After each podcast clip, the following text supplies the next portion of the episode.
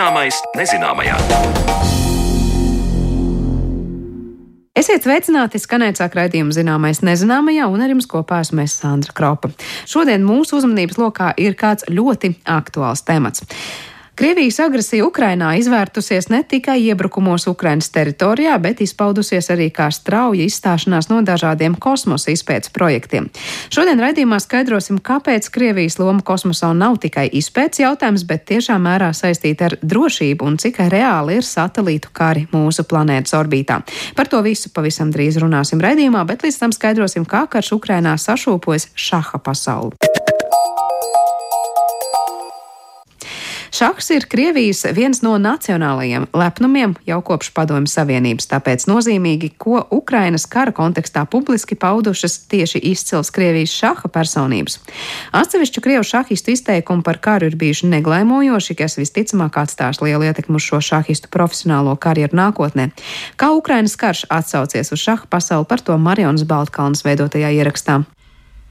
Diezgan drīz pēc Krievijas uzsāktā kara Ukrainā šī gada februārī publiskajā telpā raisījās diskusijas par to, vai un cik lielā mērā sportam un mākslai vajadzētu būt nošķirtiem no politikas.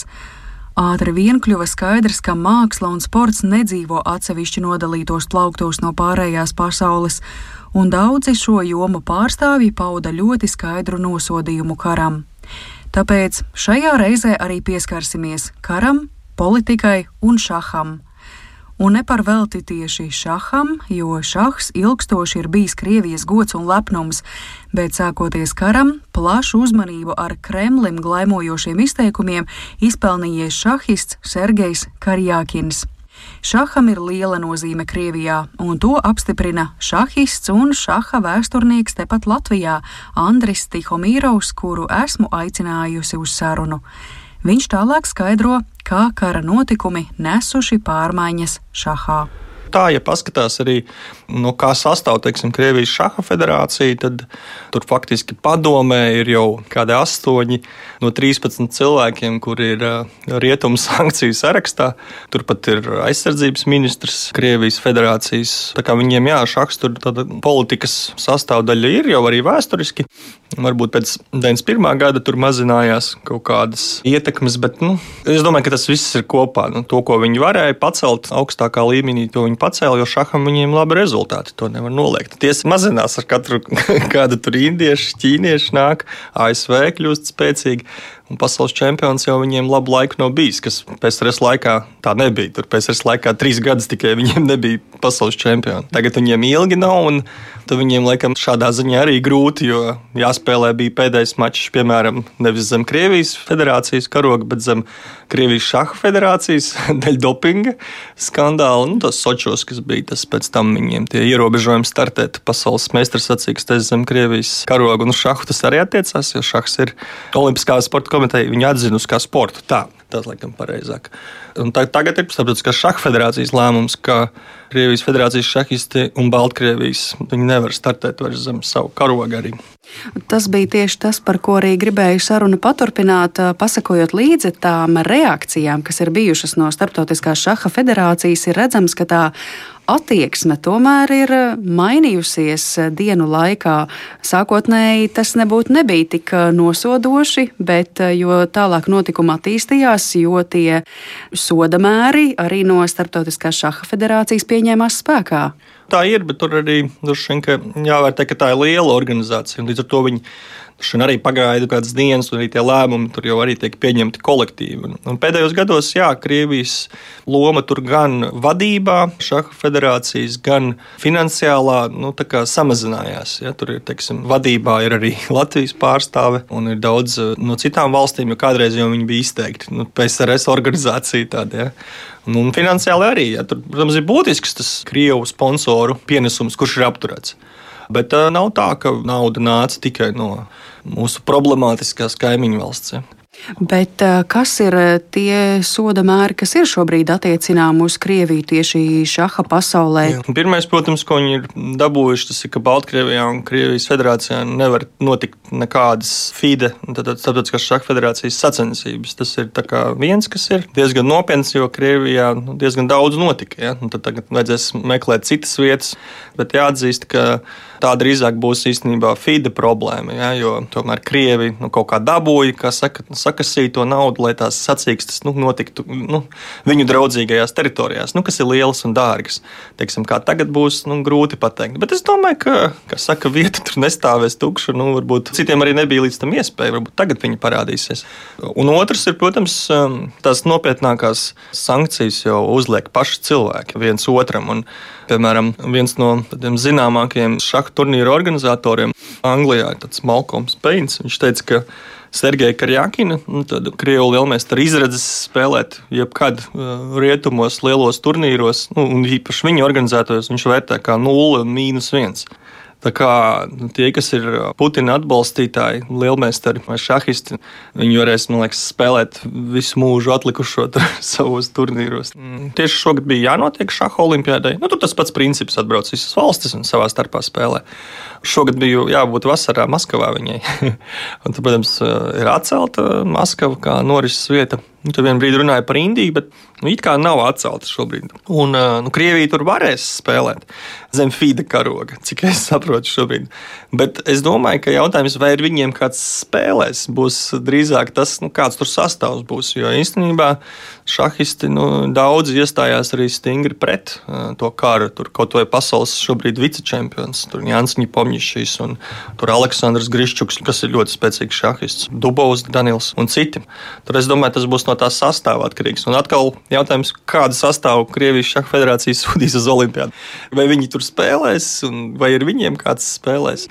Nu, tas vairāk šoks, protams, šaha pasaulē. Nu, ne šoks, bet nu, tas pārsteigums ir par Sergeju Karjakinu, kurš ir spēcīgs lielmeistars. Viņam ir tagad disciplināra lieta plānota par tātad, publiskajiem izteikumiem attiecībā uz šo karu un vēl vienam Krievu lielmeistaram.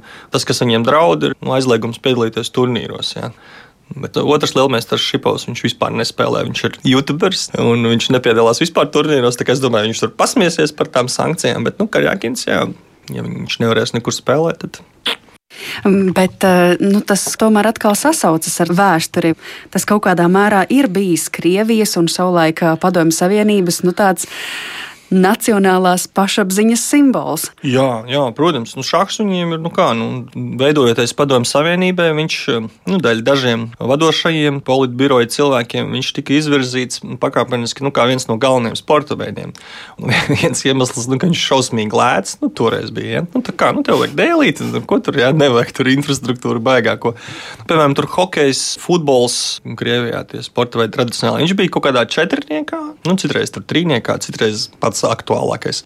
Nu, viņš bija, protams, kā propagandas ierocis ar to domu, ka. Nu, ja tu šahā esi stiprākais, tad tu esi visgudrākais. Tas tā, stāsts tika ļoti ilgi vilkts un nu, ļoti iesakņojies. Bija, nu, ka, ja tu esi labs šahists vai vispār šahists, tad tu esi gudrs un inteliģents persona. Nu, tur kārtīgi tika pastrādāts.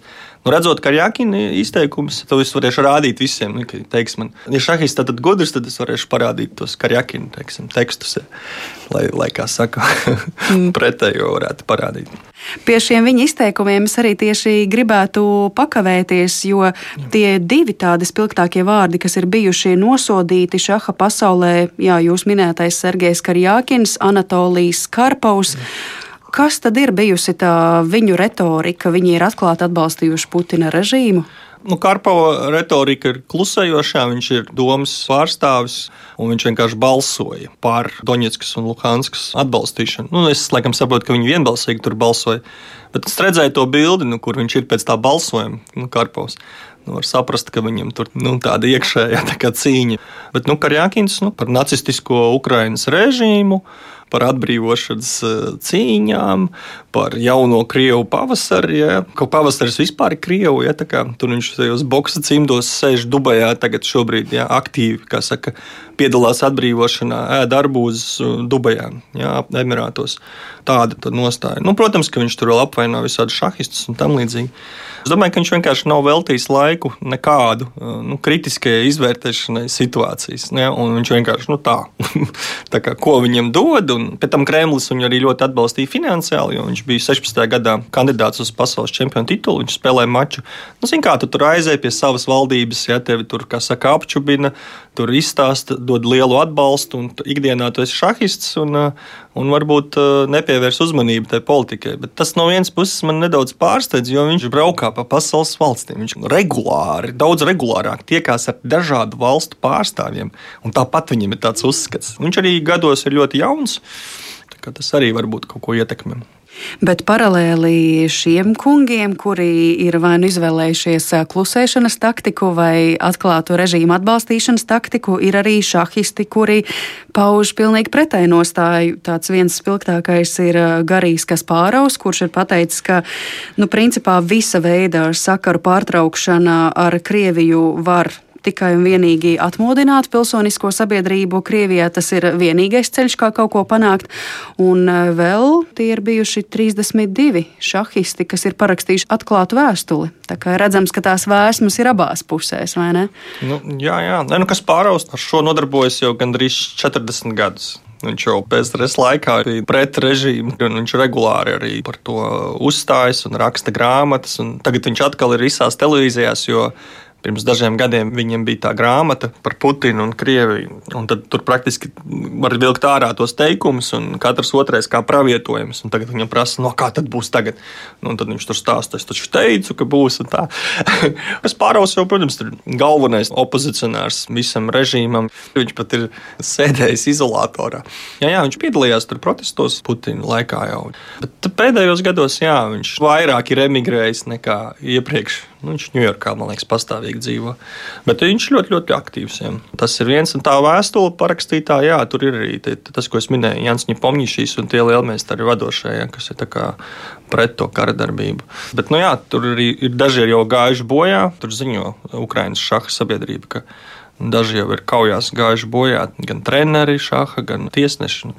Nu, cik es saprotu, kas savukārt Krievijas šahisti vēl nekaro, jo laikam nav vispārēja mobilizācija. Pareizi. Nu, tā, tāpēc mm. viņi vēl nekaro. Tāpēc Karjakins varēs arbūzus Dubajā pagaidām. Andris Tihomīrovs norāda, ka iespējams arī Startautiskajā šaha federācijā būs vērojamas kādas izmaiņas, jo tās prezidents Arkādijs Dvorkovičs ir Krievijas prezidentam Vladimiram Putinam pietuvināta persona. Šobrīd gan vērojams, ka kara notikumu iespējā amatpersonas izvēlas, tā teikt, mainīt kažoku, un tas izsauc jautājumus sabiedrībā, vai tā ir patiesa cilvēka nostāja, vai arī tikai izlikšanās. Bet Krievijai un arī Baltkrievijai piedzīvojot aizvien lielākas sankcijas, ļoti iespējams veidosies divas šaha pasaules. Tā būtu sava veida atgriešanās vēsturē, jo arī Padomju Savienības periodā virkne spēcīgu šahistu starptautiskās sacensībās nepiedalījās. Bet noslēgumā atgādinājums par to, kā tad šahs radies. Kā redzams, karš simboliskā veidā ir šaha būtība. Nu, šahs tomēr ir spēle. Un, um, kā man tur viens audzēknis teica, ja nebūtu kara, tad nebūtu arī šaha. Nu, jo vēsturiski, kad cilvēki nekaroja, nu, veči senatnē, tad viņi izdomāja nu, kaut kādu kara spēli, lai būtu ko karot. Nu, šahs ir izteikti kara spēle kara taktika visa. Bet šahs nekur nepazudīs. Man jāsaka, ka mūsu aizsardzības ministrs ir pieklājīgs, stiprums šahists. Tā kā, ja viņi uzspēlētu, varbūt labāk tur šāhu savā starpā, es domāju, mums tik slikti nemaz neiet. Bet šis ir ļoti interesants aspekts, ko jūs minējāt, ka tā jau arī ir. Šahā taču ir obligāts nosacījums kaut, vai ne? Dambretē tu no tā var izvairīties, šahā no tā nevar. Un nu, tev, tev ir jākauj, un tas ir tāds maigais eh, kara veids, un varbūt arī aizsākās tas eh, teiciens, ko minējāt, ka tie, kas ir labi šahisti, nu tie ir ļoti gudri, jo viņi var labi izdomāt, eh, kā maigā veidā nokaut. Ja? Nu, jā, nu, gal galā šahs un mācis, tas persiešu valodā karalis ir mirs. Mācis ir nāve faktiski. Brīnums, kā vēl pacifisti nav panākuši kaut kādu savulaik šāda aizliegumu. Jā, labāk spēlējam šahu nekā karojam. Jā, un lai šahs un mats tiem, kam pienākās. Jā. Tik tālu par skandālu šaha pasaulē, bet par to, vai Roskosmos vadītāji draudi attiecībā uz starptautisko kosmosa stāciju ir vērā ņemami, saruna jau turpmākajās minūtēs.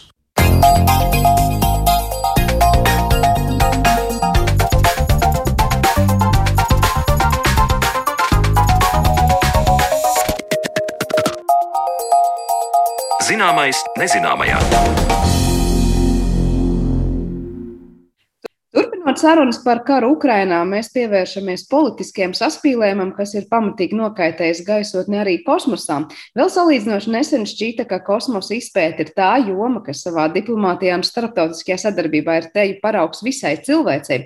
Šodien Krievija izstājas no aktīviem projektiem un pat izsaka draudus par starptautiskās kosmosa stacijas ietriekšanos apdzīvotā sauszemē. Cik nopietni ir uztverami šādi draudi un kā varētu izvērsties karš zemes atmosfērā, par to šodien mēs runāsim ar mūsu studijas viesiem. Pie šodien Tartu Universitātes asociētais profesors Andris Slavinskis. Sveiks, Andri! Jā, sveiki, labrīt! Tāpat ir IT speciālists un astronomijas entuziasts Raitis Misa. Labrīt, Raiti! Labrīt! Un Latvijas astronomijas biedrības valdes loceklis arī meteorītu muzeja vadītājs Kārlis Bērziņš. Labrīt! Labrīt! Es eh, sākšu ar tādu pavisam svaigu ziņu, proti, Krievijas uh, kosmosa aģentūra paziņojusi, ka turpmāk vairs nepiegādāšot uh, savus uh, dažādus dzinējus, kosmosa prātiem vajadzīgos motors. Sakiet, lūdzu, nu, un viņu tas paziņojums, nu, lai lido kaut vai uz saviem slotiskātiem, ja vēlas, nu, tās ļoti emocionāls paziņojums. Kā jūs komentētu to, kas šobrīd izskan starptautiskajā presē un arī sociālajos tīklos? Cik ļoti, es nezinu, nopietni un nenopietni ir uztverami visi šie nu, izteikumi, kas nāk no Krievijas kosmosa aģentūras. Andri, varbūt sākšu ar tevi. Jā, paldies. Pirmkārt, jau es teikšu, ka man kā parastam mirstīgam grūti novērtēt, cik, cik milzīgs ir tas risks tieši nu, politiskā ziņā. Jo tehniskā ziņā viss balstās uz sadarbību, un viss balstās katru dienu starptautiskajā kosmosa stacijā. Ja kāds nedarīs to, ko vajag darīt, tad tur cilvēki ies bojā ļoti ātri. Un, attiecīgi, ja kosmos vai kosmiskā stacija kļūst par politisku spēli, tad es neredzu, kā ilgtermiņā šis var turpināties. Paldies, Andri, par šādu vēstījumu, par kuru droši vien mēs parunāsim arī sīkāk. Kārli? Jā. Es domāju, ka šis Ragozina tāds emocionālais paziņojums patiesībā nav nekāds pārsteigums. Mēs ļoti labi zinām arī citus viņa paziņojumus. Es atgādināšu iepriekšējo tādu ļoti spēcīgo paziņojumu, kad amerikāņi var doties kosmosā ar saviem tramplīniem. Tas bija pēc tam, kad 2014. gadā arī tika ieviestas zināmas sankcijas pret Krieviju.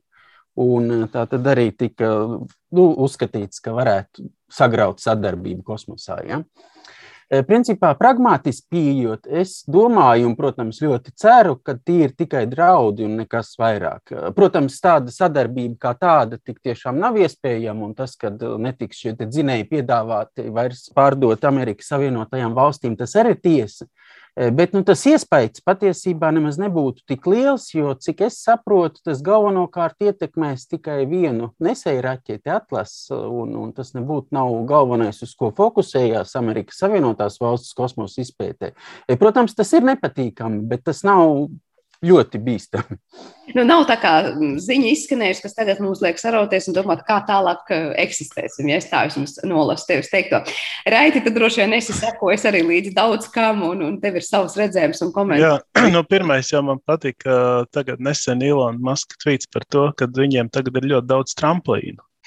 Uh, nu, tieši tajā kontekstā, ar to saprotot, ka viņiem ir Falcon 9 raķetes, kas tagad spēj veikt to, ko 14. gadā amerikāņi nevarēja tas komentārs par tramplīniem. Bet, ja runājam par šiem dzinējiem, tad tur tā situācija ir pat vēl bišķīt labāka nekā kolēģi minēja.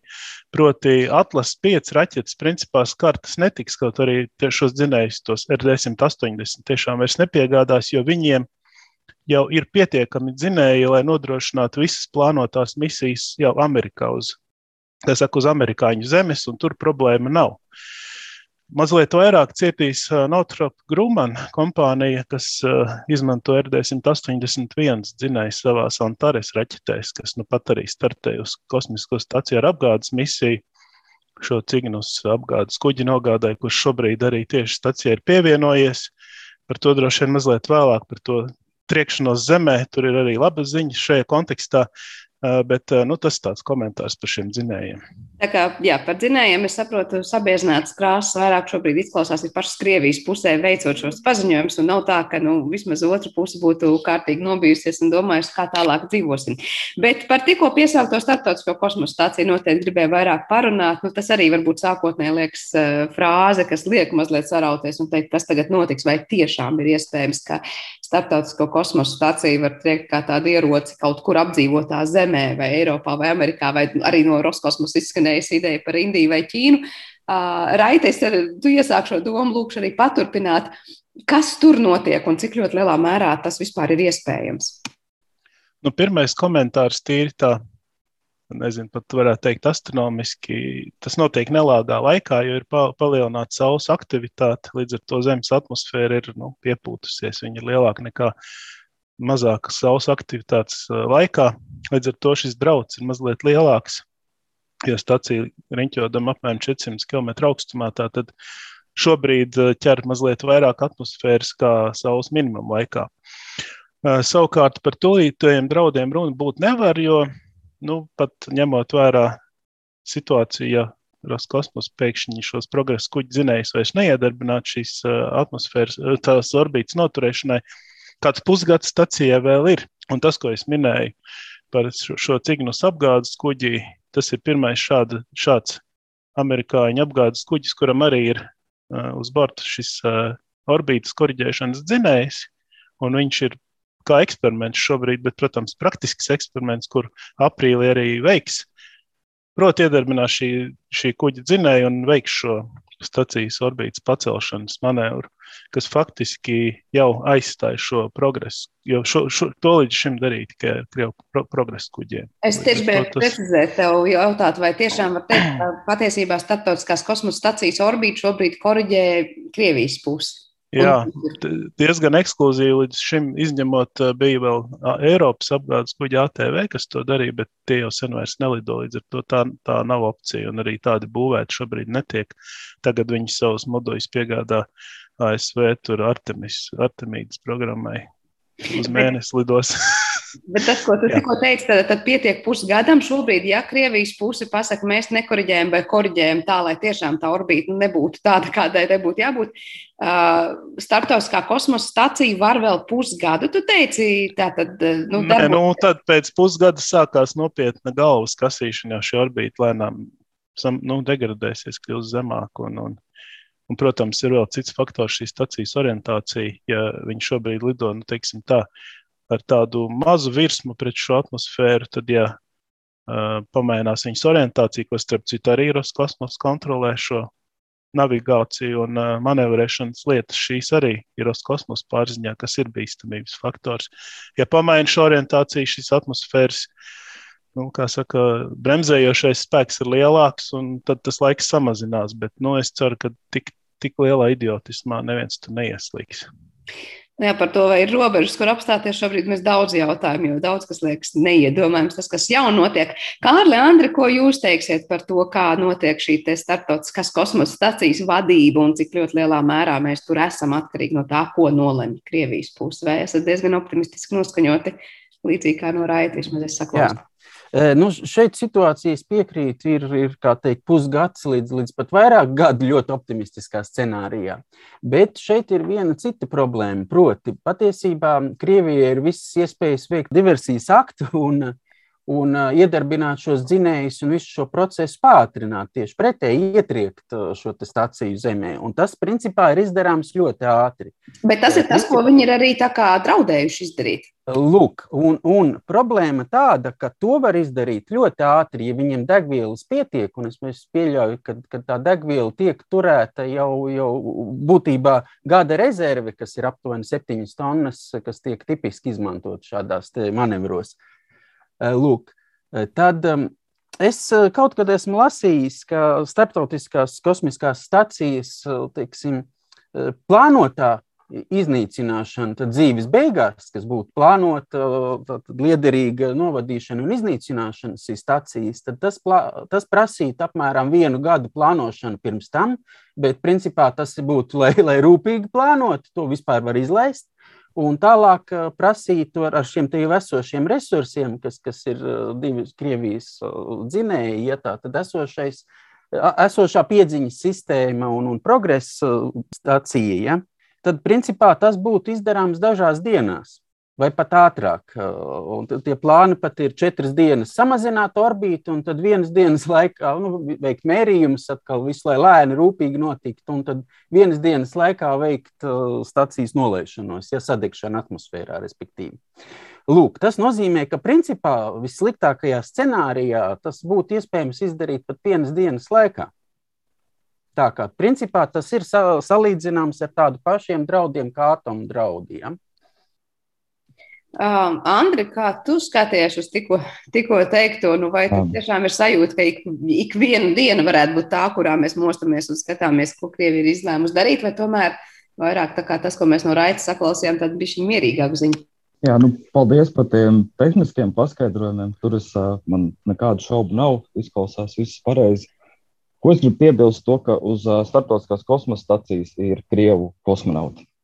Un ar tādu paziņojumu Krievija ir principā pateikusi to, ka viņi būtu mieru nogalināt divus savus cilvēkus. Vai mēs tādam partnerim varam uzticēties? Mums ir jāatrod risinājums, kā nobeigt šo misiju, ko starptautiskā kosmosa stācijā. Katra, katrs cilvēks tur ir daļa no misijas un domāt vispār, ko, ko darīt tālāk, jo es neredzu, kā var starptautiskais kosmoss šitā turpināties. Man, es esmu zaudējis cerības, ka Krievija var sadarboties. Ko nozīmēs kosmosa industrijai tas, ka šāds spēlētājs vispār tiek izņemts no sadarbības ārā vai pats iziet no tās ārā?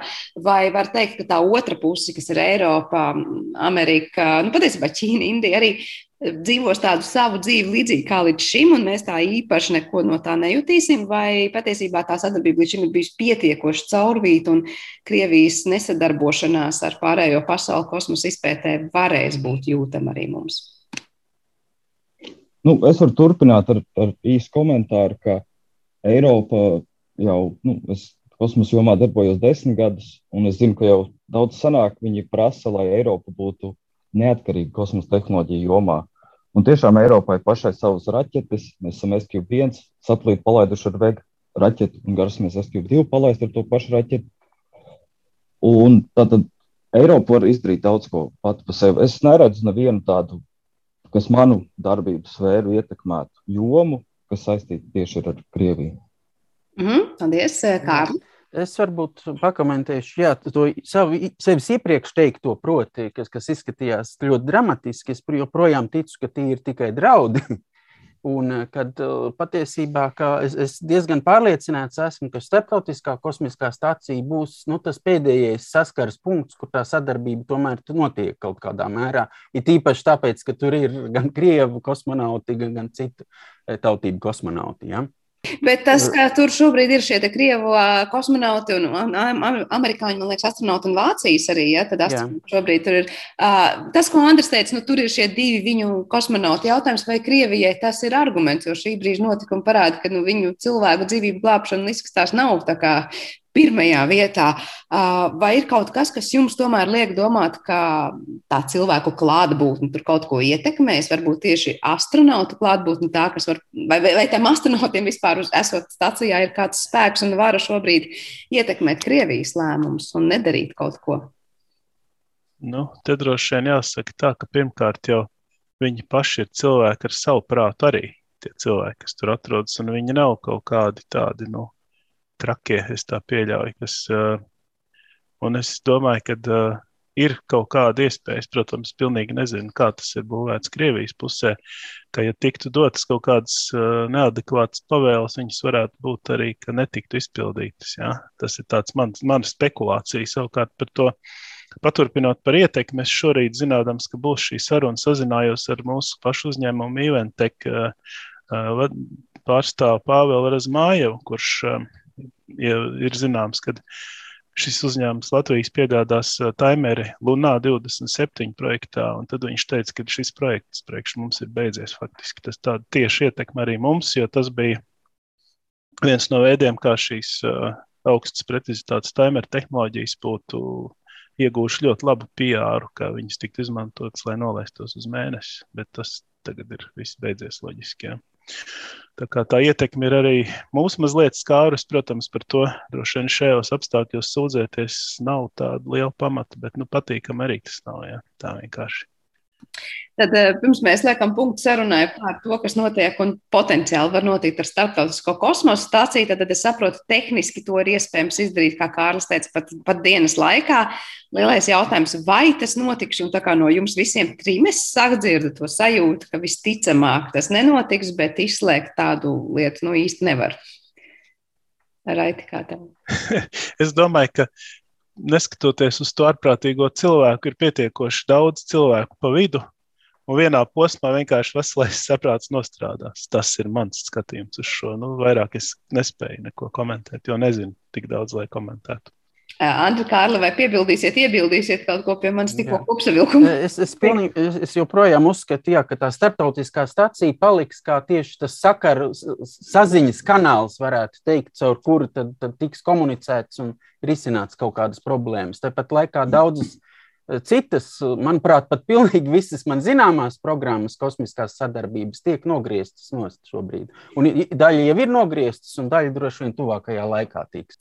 Uh, jā, Andri. Jā, es, es arī gribētu nu, cerēt, ka veselais saprāts nostrādāt kaut kur tajā visā chain of command, jo, uh, jo gal galā tos, tās komandas izpildu inženieri, zinātnieki un, un uh, tādi cilvēki, kuri nu, tik daudz nepaļaujas tai, tai ideoloģijai. Ko es vēl gribu piebilst no, no Krievijas puses, ir to, ka viņi pagājušajā gadā cilvēki, kur seko vairāk kosmosam, līdz jau apdraudēja starptautisko kosmosa staciju, iznīcinot pašu savu satelītu ar raķešu eksperimentā rezultātā. Tādā veidā radot vēl vairāk kosmiskos atkritumus un apdraudot pašu savus kosmonautus. Tā kā Krievijas tā, nu, tas, ko viņi ir darījuši zemjā Zemes orbītā, nav nebūtu bijis droši iepriekš, un es nedomāju, ka ir iemesls ticēt, ka kaut kas uzlabosies šobrīd. Paldies. Man tu piesauci satelītus, tieši tā ir tā nākamā sadaļa, par ko es noteikti gribēju parunāt. Es zinu, ka arī tev te ir daudz kas sakām, zinot arī tavu pieredzi satelītu izstrādē un, un palaišanā no Igaunijas puses, gan vairāk. Uh, tevis tikko piesauktais gadījums, tad Krievija uzspridzināja šo satelītu, vai tas varētu tikt uzskatīts kā tāds, es nezinu, izmēģinājums un paskatīties, ko mēs varam, nevaram izdarīt, un līdz ar to sagaidīt, ka kaut ko tādu viņi varētu šobrīd darīt vairāk? Nu, šīs, šos satelītu iznīcināšanas eksperimentus lielvaras jau ir darījušas, veikušas kādu laiku. Piemēram, Ķīna ir piesārņojusi zemo zemes orbītu. Tādi triecieni bijuši, bijuši netīšām, jau kad jau izveidojušies jauni kosmisko atkritumu gabali, ietriecās funkcionējošos satelītos. Tad tas, par ko mēs esam baidījušies jau pēdējos nu, 10, 20, 30 gadus kosmisko atkritumu jomā, ir sācis notikt tieši pēdējo desmit gadu laikā. Teiksim, tā, tā problēma jau tagad ir gana liela, ka mēs to nevaram atrisināt, nesparot diez, diezgan radikālus soļus tajā veidā, kā, kā kosmos, kosmosa tehnoloģijas tiek, tiek palaistas un kā tās tiek operētas. Attiecīgi, ja kāds sāks piesārņot to orbītu, vēl vairāk, tad, tad nu, 10, 15, 20 gadu laikā mums varētu nebūt pieejas Zemē, Zemes orbītai vispār. Uh, Un kosmosa pētniecība atpaliktu pa vairākiem desmitiem gadiem, kamēr mēs gaidītu, ka tā orbīta attīrās. Raiti, vai tev ir kas piebilstams par to, ka šis varētu būt viens no tādiem nākamajiem attīstības scenārijiem, kā vienkārši padarīt to orbītu nepieejamu vai nepieņemamu? Nu, ziniet, kā ar, ar trakiem cilvēkiem, jau tu nevari nekad zināt, kas viņu galvās notiek. Bet uh, tur ir atkal jāsaprot tas, ka tas jau arī viņi šautu paši savā kājā jo arī viņi ir atkarīgi no šīm kosmosa tehnoloģijām, kaut vai Glanos navigācijas sistēma, ko viņi izmanto savos precīzajos ieročos. Tas, starp citu, ir interesants temats, kad ir aicinājums boikotēt šo satelītu lāzeru novērojumus, tādējādi samazinot viņu, viņu doto datu precizitāti. Tas gan, manuprāt, ir bijis pa vēlu, bet nu, arī laba iniciatīva. Un, un, jā, tā kā iespēja, protams, ir gala kārtas, kā saka, ir, nav atklātas, bet Bet nu, šīs raķetes eksistē gan Krievijai, gan Ķīnai, gan arī ASV, kas spēj iznīcināt pavadoņus. Un tas, protams, ir galvenokārt uh, ar domu par kaut kādu ļoti eskalējošu militāru konfliktu. konfliktu. Un tas ir tas, ko mēs tagad arī praksē vērojam. Līdz ar to nav izslēgts, protams, bet nu, jā, jāskatās. Te jau, ziniet, kā šobrīd veikt prognozes ir ļoti grūti, jo mēs nezinām, kas būs tajā dienā, kad šis rādījums ies ēterā nerunājot jau nemaz par to, kas būs pēc mēneša. Jā. Jā, Kārli, tu droši vien. Jā, es gribu teikt, eh, pieminēt arī, ka Indija ir šādas pašas spējas izmēģinātas kosmosā. Arī viņi ir iznīcinājusi satelītu, un vēl dažām valstīm ir teorētiskas. Es zinu, Izrēlai ir teorētiski iespēja, tā, kas nekad nav bijis izmēģināts, bet viņi uzskata, ka principā x stundā viņiem arī būtu šāda te tehnoloģija pieejama. Bet eh, vēl es vēlos uzsvērt, ka šis pēdējais eh, Krievijas eksperiments, nosauksim to tā, kosmosā bija pavisam nesen. Tas ir 21. Eh, gada 15. novembrī. Un patiesībā, raugoties jau ar šīs dienas acīm, mēs zinām, ka tas nebija vienkārši tāds eksperiments, tas tiešām bija militāras spēka demonstrācija. Tagad, ja mēs tā skatāmies, lūk. Eh, es nedomāju, ka mērķis ir piesārņot kosmosu. Mērķis ir vienkārši notriekt ienaidnieku satelītu. Gluži vienkārši tātad neļaut ienaidniekam darboties kosmosā, nedomājot nemaz par tālākām sekām. Jā, un tā problēma tiešām ir, ir ļoti liela, jo šobrīd jau mēs runājam par kādiem 30 tūkstošiem, varbūt nedaudz mazāk, bet 30 tūkstošiem tādu lielāku kā 10 centimetru objektiem, kas traucās kosmosā. Ja tur ir ar, ar, ar 7 km sekundē. Un, ja mēs uh, runājam piemēram, par vēl mazākiem daļiņām, kas ir kā milimetri, tad tādas tiek vērtētas apmēram 100 tūkstoši jau. Un uh, tādas mazas milimetru daļiņas, protams, tādām kosmosa stacijām un, un lieliem aparātiem nekādu kaitējumu nenodarīs, bet uh, maziem kosmiskiem satelītiem uh, Eh, tieši šāda izmēra daļiņas izrādās ir vislielākais eh, risks pastāvēšanas. Tad neveiksmīgā sadursmē milimetru daļiņa var izsist no ierindas jebkuru eh, nelielu satelītu. Ja. Vai mēs varam vispār runāt šobrīd par to, ka nu, noteikti tāda satelītu nemieri vai kā lai to nosaka, par to, ka ir izskanējuši arī no Latvijas astronomijas institūta, man liekas, dažādas aktivitātes, kā aicināt pārtraukt krievu navigācijas pavadoņu novērojumus, vēl kaut ko. Tad, proti, ir tās divas labi, mēs, protams, dzirdējām Ilonu Masku ar saviem Starlinks, ar satelītiem, kas nodrošina internetu virs Ukrainas, proti, kā šie satelīti tiek likti lietā, lai stiprinātu vai vājinātu vienu vai otru pusi, un kā jūs redzat šīs aktivitātes tieši satelītu jomā, kas šobrīd notiek virs mūsu galvām, kā tās tiek izmantotas nu, abu pušu vai nu vājināšanai vai stiprināšanai, kā kurā gadījumā. Uh, Raiti? Jā, nu, tā tad uh, skaidrs, ka abām pusēm ir pieejami dati, tīri jau militārā plāksnē, proti šie satelīta attēli, bet es arī lasīju, ka principā tās, tos, tās bildes, ko mums rāda sociālos tīklos, skaistās dienas gaismā uzņemtās bildes, kur brauc kolona, tām faktiski reāls vērtības nav, jo situācija mainās pietiekami strauji. Un arī Ukraiņas uh, satelītu uzņēmums, kas, uh, vai, vai arī valsts iestāde īsti nesaprot, kas nodrošina šo datu analīzi, aicināja uzņēmumus, kuriem ir satelīti, kas strā, izmanto radara tehnoloģijas, kas spēj strādāt arī naktī, lietu, miglā. Viņiem ir nu, loģiski radio, viņi tam visam iet cauri. Um, dalīties ar šiem attēliem, jo tie ir attēli, ko var uh, jebkurā diennakts laikā iegūt.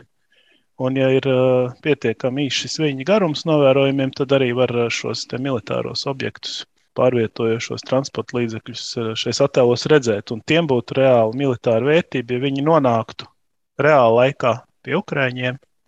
Tad viņi varētu reāli zināt, eh, kas notiek uz viņu zemes.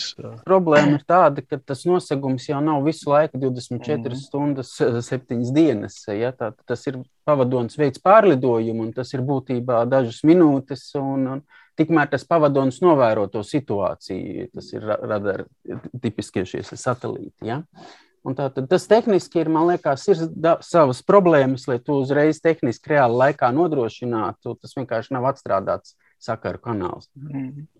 Jo tieši, tieši tas ir tā ideja, labi, viņš pārlido, ierauga, un tad viņi arī uzreiz to, to informāciju jānodod faktiski jau Ukraiņas militāristiem. Un šis kanāls, kā Kārlis teica, viņš ir garš tādā ziņā, ka tur ir daudzām daudziem posmiem jāaiziet cauri, lai tie dati nonāktu tur, kur vajag. Mm -hmm, jā, skaidrs.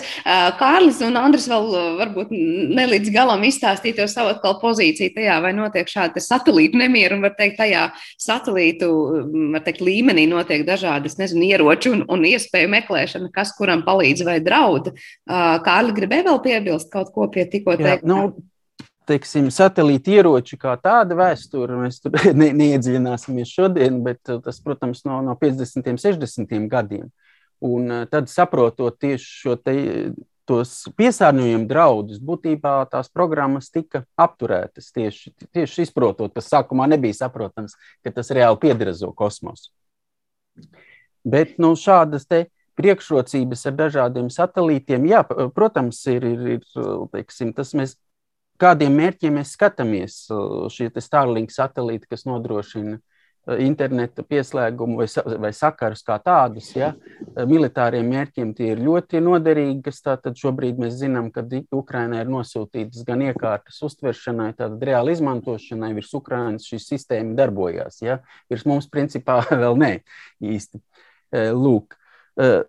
Ja mēs viena atkāpe, protams, šādā nozīmē tas ir ļoti pozitīvi, ja mēs skatāmies no astronomiskā un globālā un, un citu mieru laika apstākļiem, tad atkal šie satelīti mums ļoti piesārņo kosmosa astronomiskiem novērojumiem, bet tas, protams, ir pilnīgi cits temats. Es gribēju vienkārši teikt, ka nav vienkārši viss balts un melns, ir, ir, ir dažādi. Ja? Bet šobrīd šie Starlink satelīti patiesībā ir ļoti nozīmīgi Ukraiņai. Tas ir liels atspēks, kā tie ir padarīti pieejami konkrētai teritorijai. Jā, nu, protams, tas, tas, mēs nezinām, cik iekārtas ir nosūtītas. Tas tomēr nav, nav katram iedzīvotājam, tas nav pieejams. Tas ir atsevišķām armijas daļām pieejams šobrīd. Mm. Andri, par satelītu kariem un nemieriem. Jā.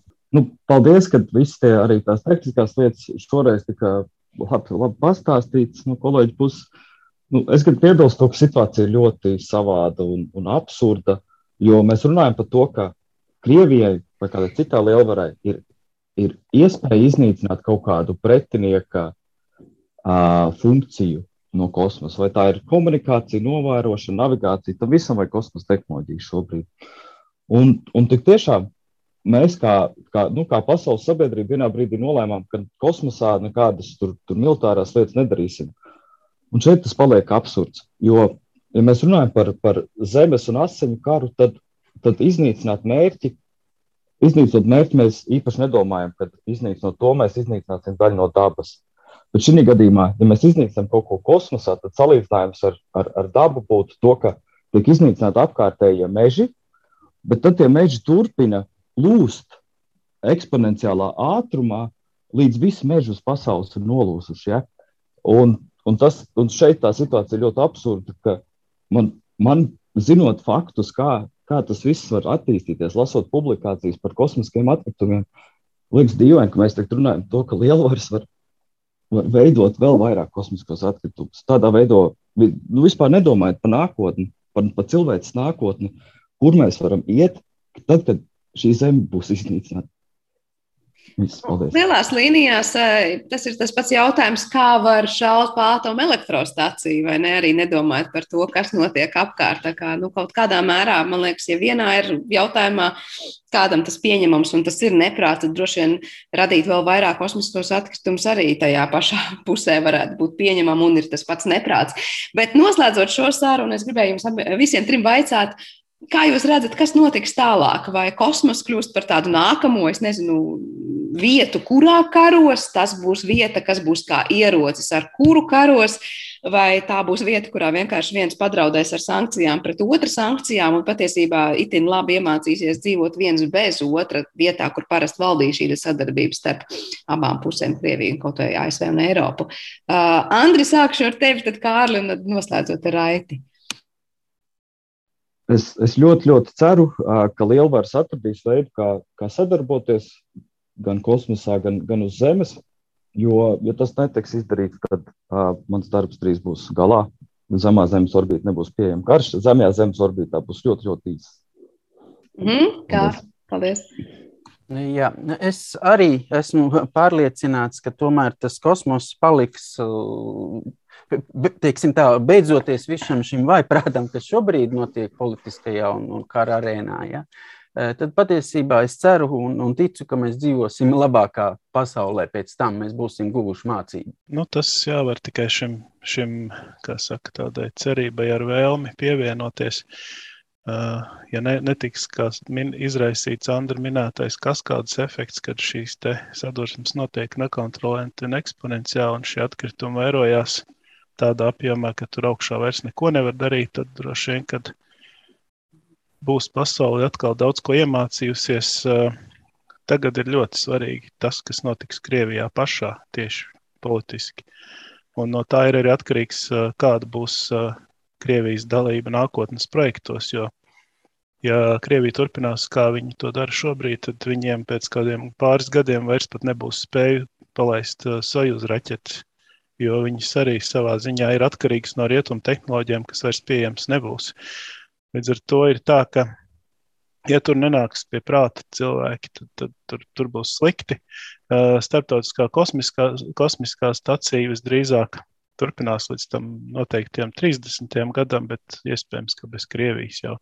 Jo šobrīd sadarbība ar Krieviju ir līdz 24. gadam, un, un šobrīd ir retorika, ka pēc tam tā nu turpināta netiks.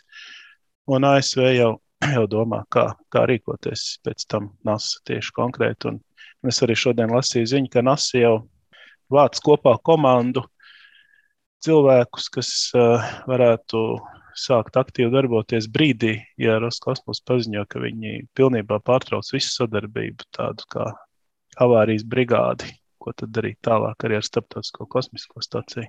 Tā kā plāns B vismaz starptautiskās kosmosa stācijas gadījumā, un kā to komplektēt un vadīt, ir. Un, nu, NASA jau ir tādi cilvēki, kas ir pieraduši risināt dažādas kritiskas situācijas. Tur, protams, šāds plāns jau kādu laiku gan jau ir. Jā.